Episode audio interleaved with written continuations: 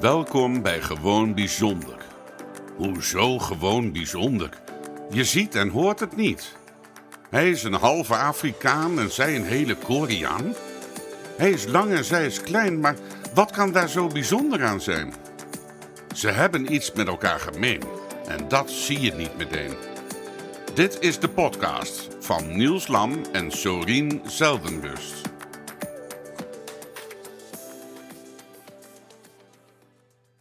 Dit keer hebben wij een drieluik met Domien vanwege de maand november. De maand november is de maand van de Adoption Awareness Month en op 9 november de World Adoption Day. De Adoption Awareness Month is begonnen als een promotiemaand in de VS. Persoonlijk wist ik dat niet, dat het zo was begonnen en het doel van deze maand was en is nog steeds om het aantal adopties te bevorderen en om te kijken, zonder om te kijken naar de gevolgen. Aan de macht staan vooral de adoptieouders en de adoptiebureaus, zoals Hilbrand Westra deze week ook al schreef. Deze maand komen er ook meer verhalen naar buiten die minder sprookjesachtig zijn en komt er een tegenbericht van geadopteerden die het anders hebben ervaren. Domi heeft deze maand ook een persoonlijke blog geschreven, zoals zij zelf dit omschrijft. In deze maand zijn en gaan er veel berichten worden gedeeld over dit onderwerp. Wat het meest gedeeld en gelezen wordt, zijn natuurlijk de positieve verhalen. Verhalen met een goede afloop en het liefst met een beetje spoorloos gehalte erin verwerkt. Ik zou graag meer de realistische kant van adoptie willen zien en laten zien. Adoptie is namelijk niet alleen maar positief of alleen maar negatief. Wij gaan deze aflevering in gesprek met Domi en gaan het hebben over wat is nu realistisch aan adoptie. Als eerste dank dat je aanwezig bent, Tommy, en dat je wou aanschuiven. Ik heb met plezier en herkenning je blog gelezen en ik zou graag van jou willen horen om daarmee te starten hoe jij nu naar adoptie kijkt nu je volwassen bent geworden en nu ook meer weet van dit onderwerp. Dus zou je daarmee willen starten? Ja, sorry, dat wil ik wel.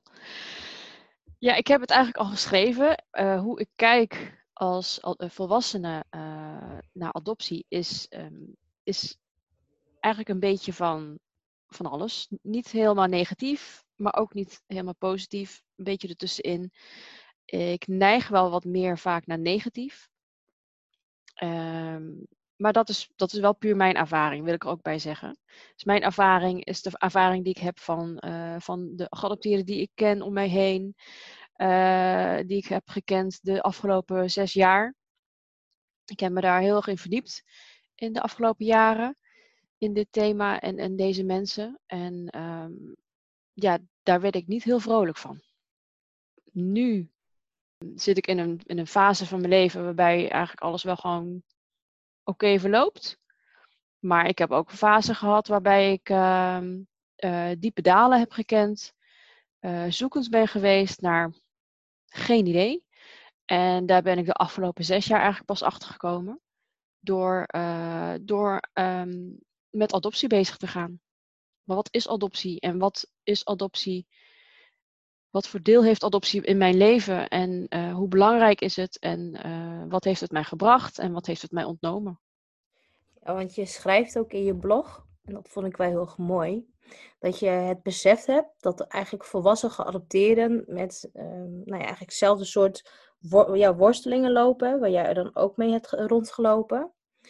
Um, maar dat je ook hebt gezien om ermee om te gaan. Hè, het, ja, een soort van rouwen is het dan. Om het verlies.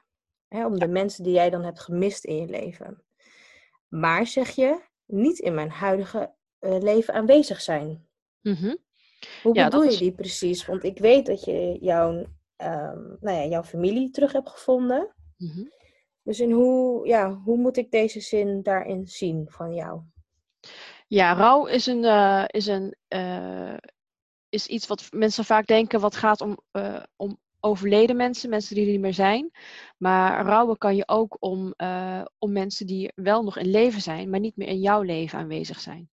Dus die op afstand zijn en waar je eigenlijk ehm, ja, moeilijk contact mee kan krijgen. Of ja, in mijn geval wel mee contact mee heb, maar ik mis een deel van een leven met hun. Ik mis een heel geschiedenis met hun. En dat is ook een rouwproces. Rouw gaat eigenlijk, eigenlijk om een stuk verlies, verlies nemen. En dat is wat adoptie ook is. Adoptie is, is verlies. En dus eigenlijk wat je zegt is ook, ehm, ondanks dat jij dus wel jouw familie hebt teruggevonden, ervaar je ook een verlies omdat ze nu niet in jouw huidig leven dus aanwezig kunnen zijn, zoals je schreef. Ja, ik ben heel blij dat ik, dat ik ze ken en dat ik ze, dat ik ze heb ontmoet en dat ik, dat ik ze in mijn leven uh, heb. Maar ja, met afstand dan en, en, en tussenposes, want ik zie ze misschien één keer in de, in de twee, drie jaar. Maar toch blijf je ze een beetje missen. Ja, ja ik weet ook dan hè, van mijn coaches en van de mensen ook om me heen die um, hebben heel erg de neiging van als ik ze heb gevonden, dan is een groot deel van mijn verdriet misschien opgelost. Mhm. Maar wat ik jou nu ook hoor zeggen, is dus eigenlijk dat er ook een ander stuk ruimte gaat krijgen in je leven. En ja, ik, ik weet niet zo goed hoe ik het moet omschrijven, omdat ik het zelf niet heb meegemaakt ook. Maar ja, ik hoor je dan wel zeggen van ja, ik ken ze wel, maar ondanks dat ik ze wel ken, heb ik wel nog steeds het gevoel van verdriet en van rouw in mijn uh, lijf. Ja, misschien dat ik het anders kan omschrijven. Als ik daar bijvoorbeeld ben, ik was er uh, anderhalf jaar geleden voor het laatst met mijn gezin, is het voor mij best wel teleurstellend dat ik daar nog steeds een, een, een gast ben. Ik ben geen deel van de familie op dat moment. Uh, ze, ze, ontvangen ons echt ontzettend uh, gastvrij en, en, en hebben, nou ja, ze staan constant voor je klaar. Maar je, je, het, is, het is overduidelijk dat je op dat moment gewoon een gast bent. En geen deel van de familie, geen deel van het systeem uh, wat, daar, uh, wat, wat zich daar afspeelt. En um, wat ik ook heb ervaren, ik heb zelf mijn adoptieouders niet hoeven zoeken. Dat is echt mijn, uh, mijn, mijn grootste geluk misschien. Um, mijn vader heeft, heeft, heeft mij eerder al gevonden. Dat heeft uh, wat veel mensen denken is dat dat dan heel makkelijk voor je is, maar dat maakt het eigenlijk ook net zo complex, of misschien bijna net zo complex, want je, je, je creëert de vragen die je eigenlijk niet had. En je krijgt antwoorden, maar je krijgt daardoor eigenlijk nog meer vragen. En je wil nog meer antwoorden. Maar dat zal je nooit krijgen, want het is, uh, dat is gewoon niet te doen. Het is een heel andere het is toch eigenlijk een heel andere wereld waar je vandaan komt. Je, je bent echt ontvreemd van jouw land, van, van jouw familie. Ik heb heel erg moeten wennen in het begin toen ik ze op, opnieuw heb leren kennen aan uh, hoe, zij, uh, hoe zij praten en hoe zij zich voordeden. Um, dat dat is, is mij nu veel meer eigen, maar dat is wel allemaal een deel van het hele verschil. Het proces waar je aan moet wennen, uh, wat je moet nemen en zien als verlies ook. En um, ja, je moet leren accepteren dat er ook op een gegeven moment gewoon geen antwoorden meer zijn. Dat het oké is op deze manier. Dat is, een, uh, dat is wel iets wat ik als volwassene dan heb moeten leren. Want die, die vragen en die antwoorden, die wil je eigenlijk meer als, als kind. Hoor ik jij daar ook daar zeggen dat dat misschien ook te maken zou kunnen hebben met een bepaalde verwachting die je had toen jij op het punt stond dat je wist van hé, hey, ik kom in contact met mijn familie in Korea. Uh, had je daar van tevoren inderdaad een bepaald beeld bij gemaakt, een bepaalde verwachting? En is die er achteraf misschien niet voor jou uitgekomen, waardoor je inderdaad, nou ja, ook meer dat verlies blijft voelen? Ja, de eerste keer verwachtte ik denk ik niet zoveel, want toen stond ik er helemaal nog niet uh, uh, zo voor open. In ieder geval niet open in de zin van dat ik, dat ik alles bewust heb meegemaakt de tweede en de derde keer dat ik ben afgereisd naar Korea om ze opnieuw te ontmoeten en, verder te leren kennen, um, zijn beide positief en negatief geweest. Ze zijn inderdaad ook teleurstellend geweest, omdat ik inderdaad bepaalde verwachtingen had die uh, niet zijn waarge waargekomen. Um, en dat heeft ook allemaal te maken met, met het geduld wat je jezelf wel of niet gunt. En um, het besef dat je dus inderdaad, nou ja, uh, in mijn geval ongeveer 30 jaar van, je, van elkaars leven hebt gemist. En elkaar daardoor ook gewoon heel erg moet zoeken. Uh, in communicatie en in gedrag. Dus daar zaten wel mijn teleurstellingen. Ja, en is jouw eigen beeld dan wel realistisch geweest hoe jij eigenlijk toen er tegenaan keek? Want je zegt dat ja, sommige dingen zijn ook niet waargemaakt. Ik had ook andere verwachtingen. Hoe zou je hier dan wel goed naar kunnen kijken? Of, of toch een eerlijk of helder beeld van kunnen maken? Nou, ik weet door erover te praten met andere mensen die al vaker naar, naar hun geboorteland zijn geweest en geadopteerd zijn, dus dat dit gewoon echt tijd nodig heeft. Het, het, het gaat niet allemaal zoals men verwacht, zoals, zoals het gaat bij spoorloos. En dat is ook maar iets wat je ziet. Dat is niet iets wat je zelf meevoelt of meemaakt. En daar zit ook nog een hele, een hele lange staart achter die wij niet zien. Uh, wat heel heftig uh, is.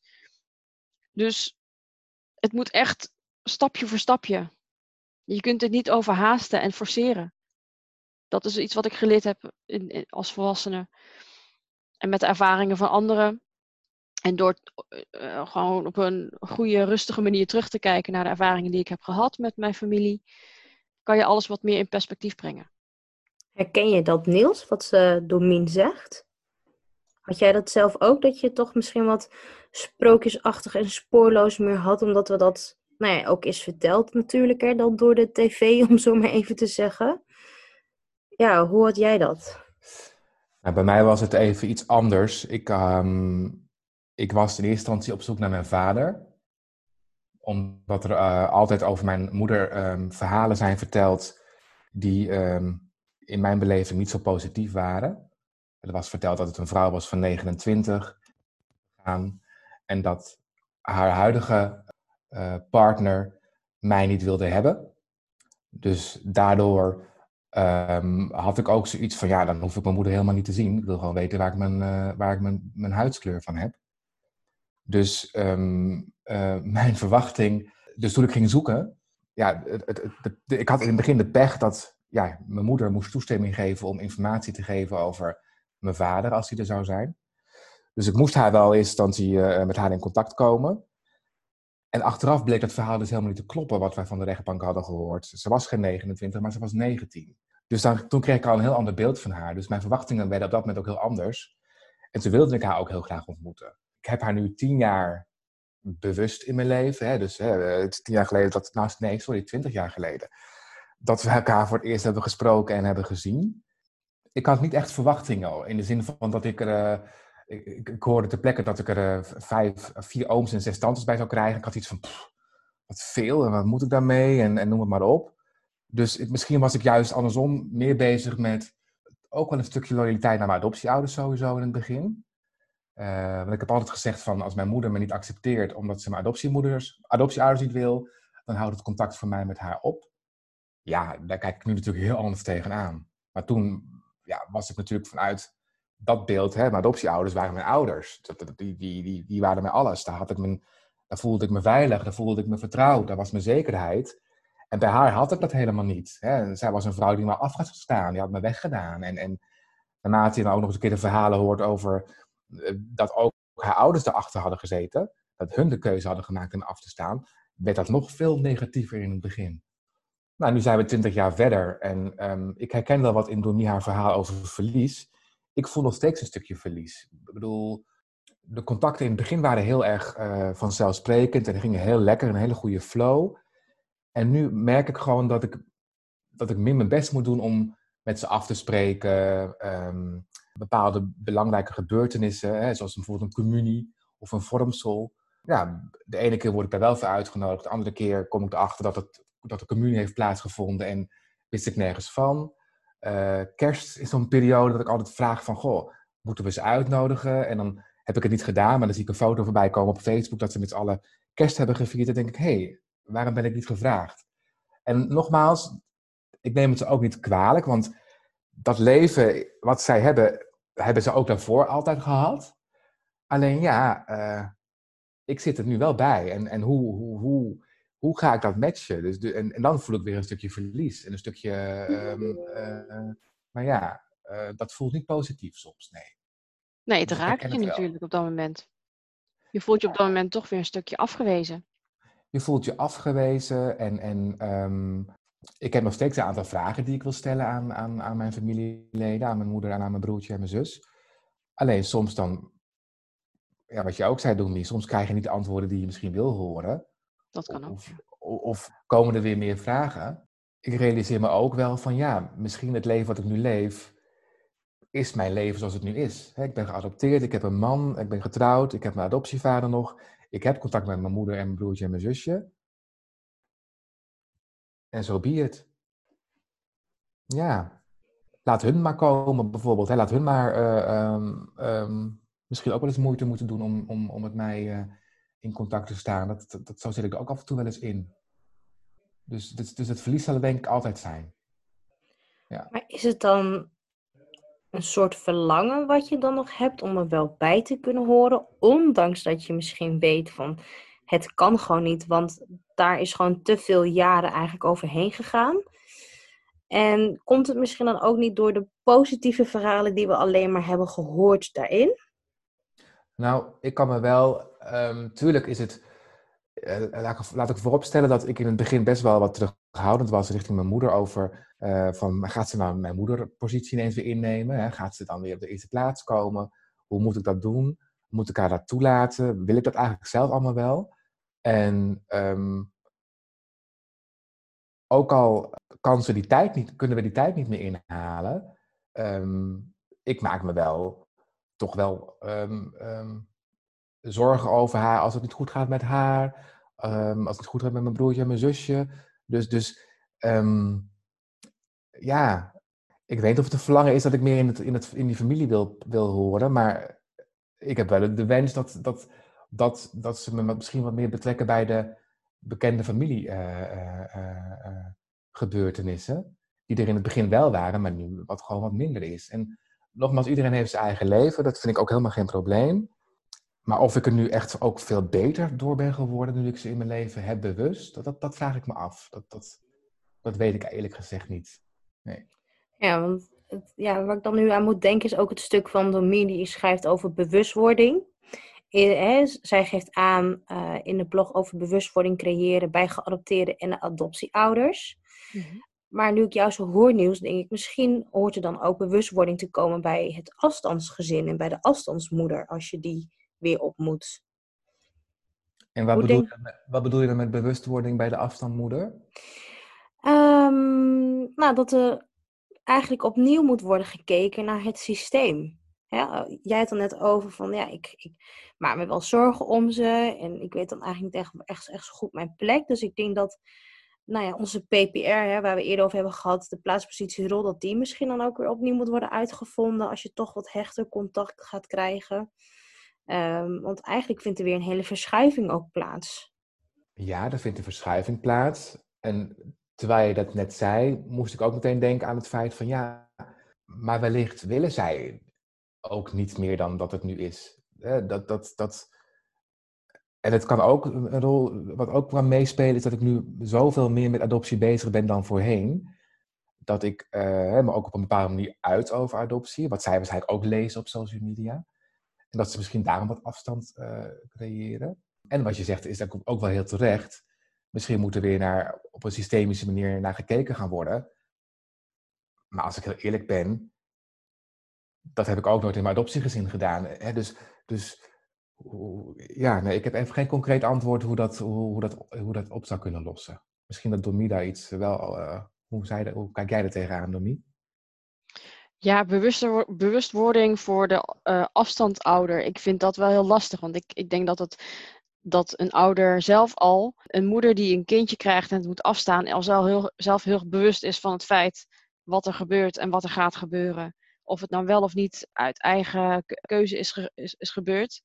Ja, dat vind, ik, dat vind ik een heel ander verhaal dan bewustwording voor een geadopteerde of bewustwording voor de, de wensouder of adoptieouder. Ik weet eigenlijk ook niet waarom ik dat zo, zo anders vind. Want je schreef het inderdaad in je blog, hè, eh, dat je daar voor wil, voor wil gaan, voor wil werken. Hoe, hoe, hoe zou je dat willen realiseren, bewustwording, onder andere bij afstand, of sorry, bij wensouders, adoptieouders? Ik denk dat wat, waar wij nu al mee bezig zijn, dat we erover praten, dat wij ook de keerzijde van adoptie naar voren brengen, niet alleen maar de positieve verhalen. Ik bedoel, wij zitten in het, in het, in het adoptiegebied. En wij krijgen al zoveel soortgelijke vraagstukken en, en, en uh, mensen met dezelfde pijnpunten en dergelijke, dat dat, uh, dat dat eigenlijk wel heel kenmerkend is voor de keerzijde van adoptie. En ik denk dat dat echt wel wat meer in beeld gebracht mag worden. Uh, vooral als je inderdaad ook kijkt naar deze maand, adoptie, de adoptiemaand, waar dat uit is ontstaan. Dat wist ik niet eens voordat ik, voor, voordat ik deze uh, blog had gepo gepost. In eerste instantie is dit ontstaan ter promotie van adoptie.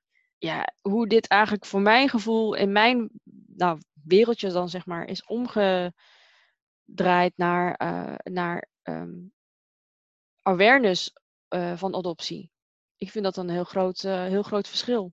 En, iets wat ook meer naar voren mag gebracht worden. Want het is, het is niet ondankbaar als wij onze, onze verhaal, wat wat negatiever is, uh, naar voren brengen.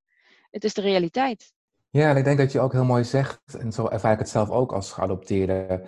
Ik heb, ja, ik heb echt hele lieve schatten van adoptieouders. En, en ze hebben in hun wat voor hun mogelijk was, mij de, een hele goede opvoeding uh, gegeven. Ik heb echt niet minder gekregen dan mijn vriendjes of vriendinnetjes. Het enige waarin ik niet goed gezien en gehoord ben, was puur wat er binnen in mij afspeelde. En daar waren zij niet toe in staat om goed op te uh, anticiperen. Plus ook externe partijen als een huisarts, een, een schooldokter, een, een, een logopedist, een, een, leraar, een leerkracht. Hè, alle, alle partijen die maar iets van mij gaan vinden in mijn basisschoolperiode en mijn middelbare schoolperiode. Uh, uh, weet dat, een decaan, een studiebegeleider.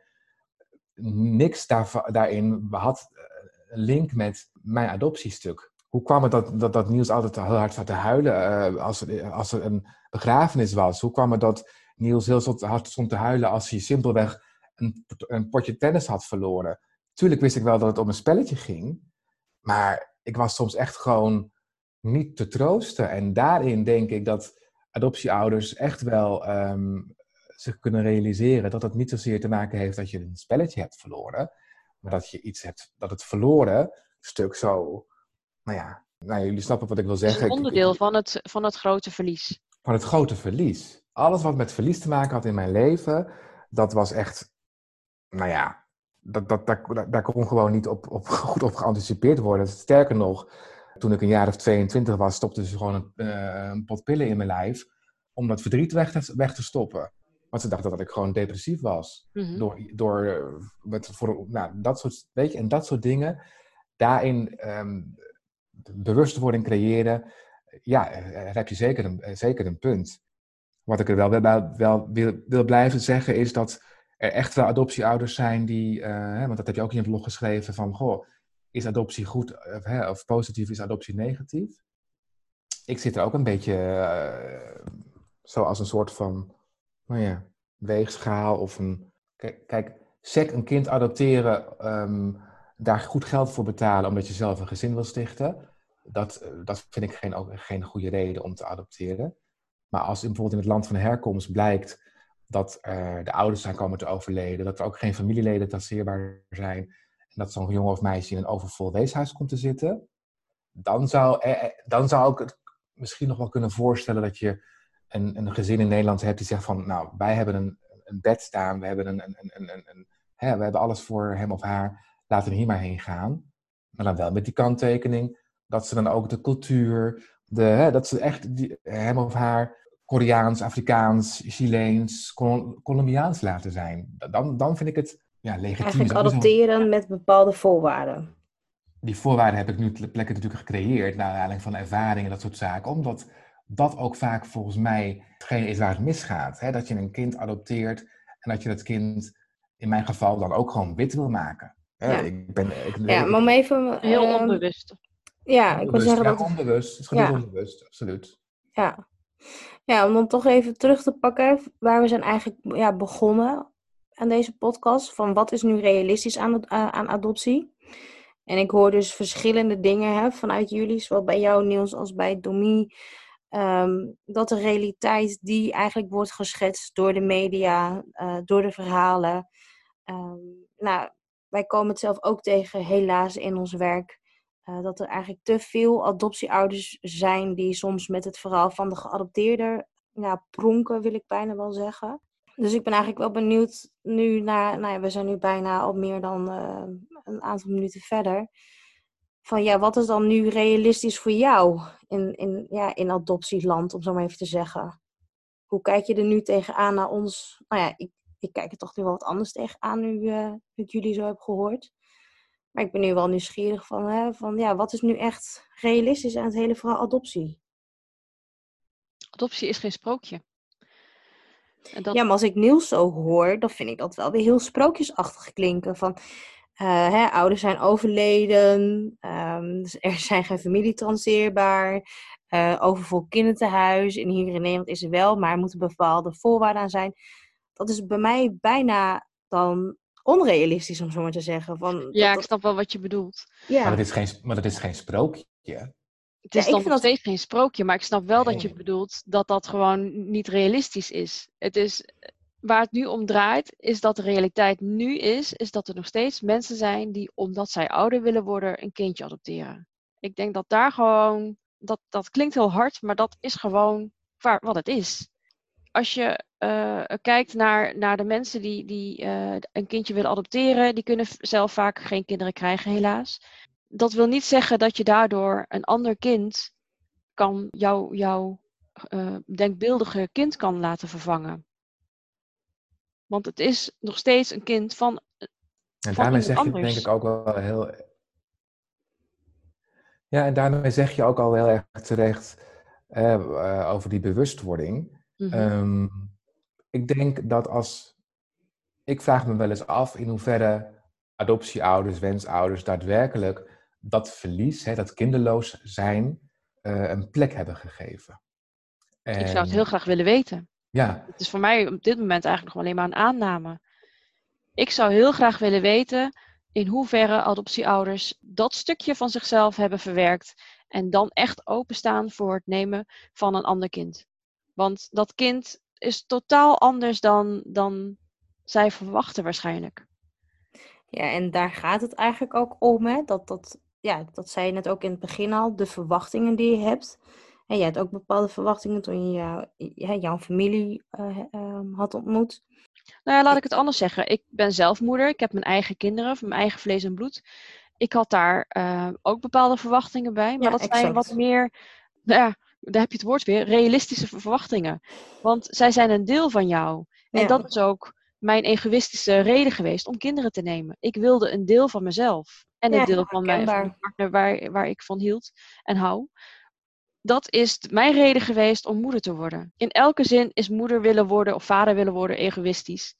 Alleen als je kijkt naar adoptie, denk ik dat, dat, dat daar toch een, een extra gradatie in zit, omdat je dan, dan toch meer zou mogen kijken naar het kind, naar de belangen van het kind, dan naar de belangen van jezelf en de wensen van jezelf. Want een kind, een kind dat geadopteerd uh, zou moeten tussen aanhalingstekens worden, ja, heeft al genoeg te verduren gehad. Ja, nou, ik denk dat het een hele mooie is om hiermee af te sluiten. En dat we dan, uh, want daar gaat onze tweede, uh, tweede podcast ook over met jou, Domi. Van, um, ja, hoe het, ja, is er, nou ja, laat ik het zo zeggen, waarom is er zoveel verlangen ook naar een adoptiekind? En uh, staan adoptieouders dan ook open voor de eventuele problemen die erbij komen? Van ver gekomen, verbonden met een thuisgrond van licht. Mijn ziel, onaangetast, jong en eeuwenoud.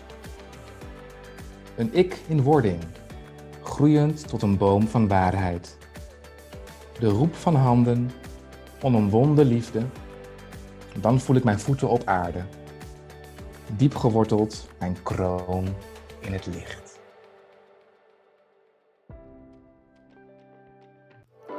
Dit was de podcast van Gewoon Bijzonder. Niels en Sorien horen graag wat je van de podcast vindt. Wil je een review achterlaten of wil je iets delen? Je kan ze vinden op Instagram, Facebook en hun eigen website gewoonbijzonder.nl. En als je daar dan toch een kijkje neemt, Volg, like en deel deze podcast. Dankjewel.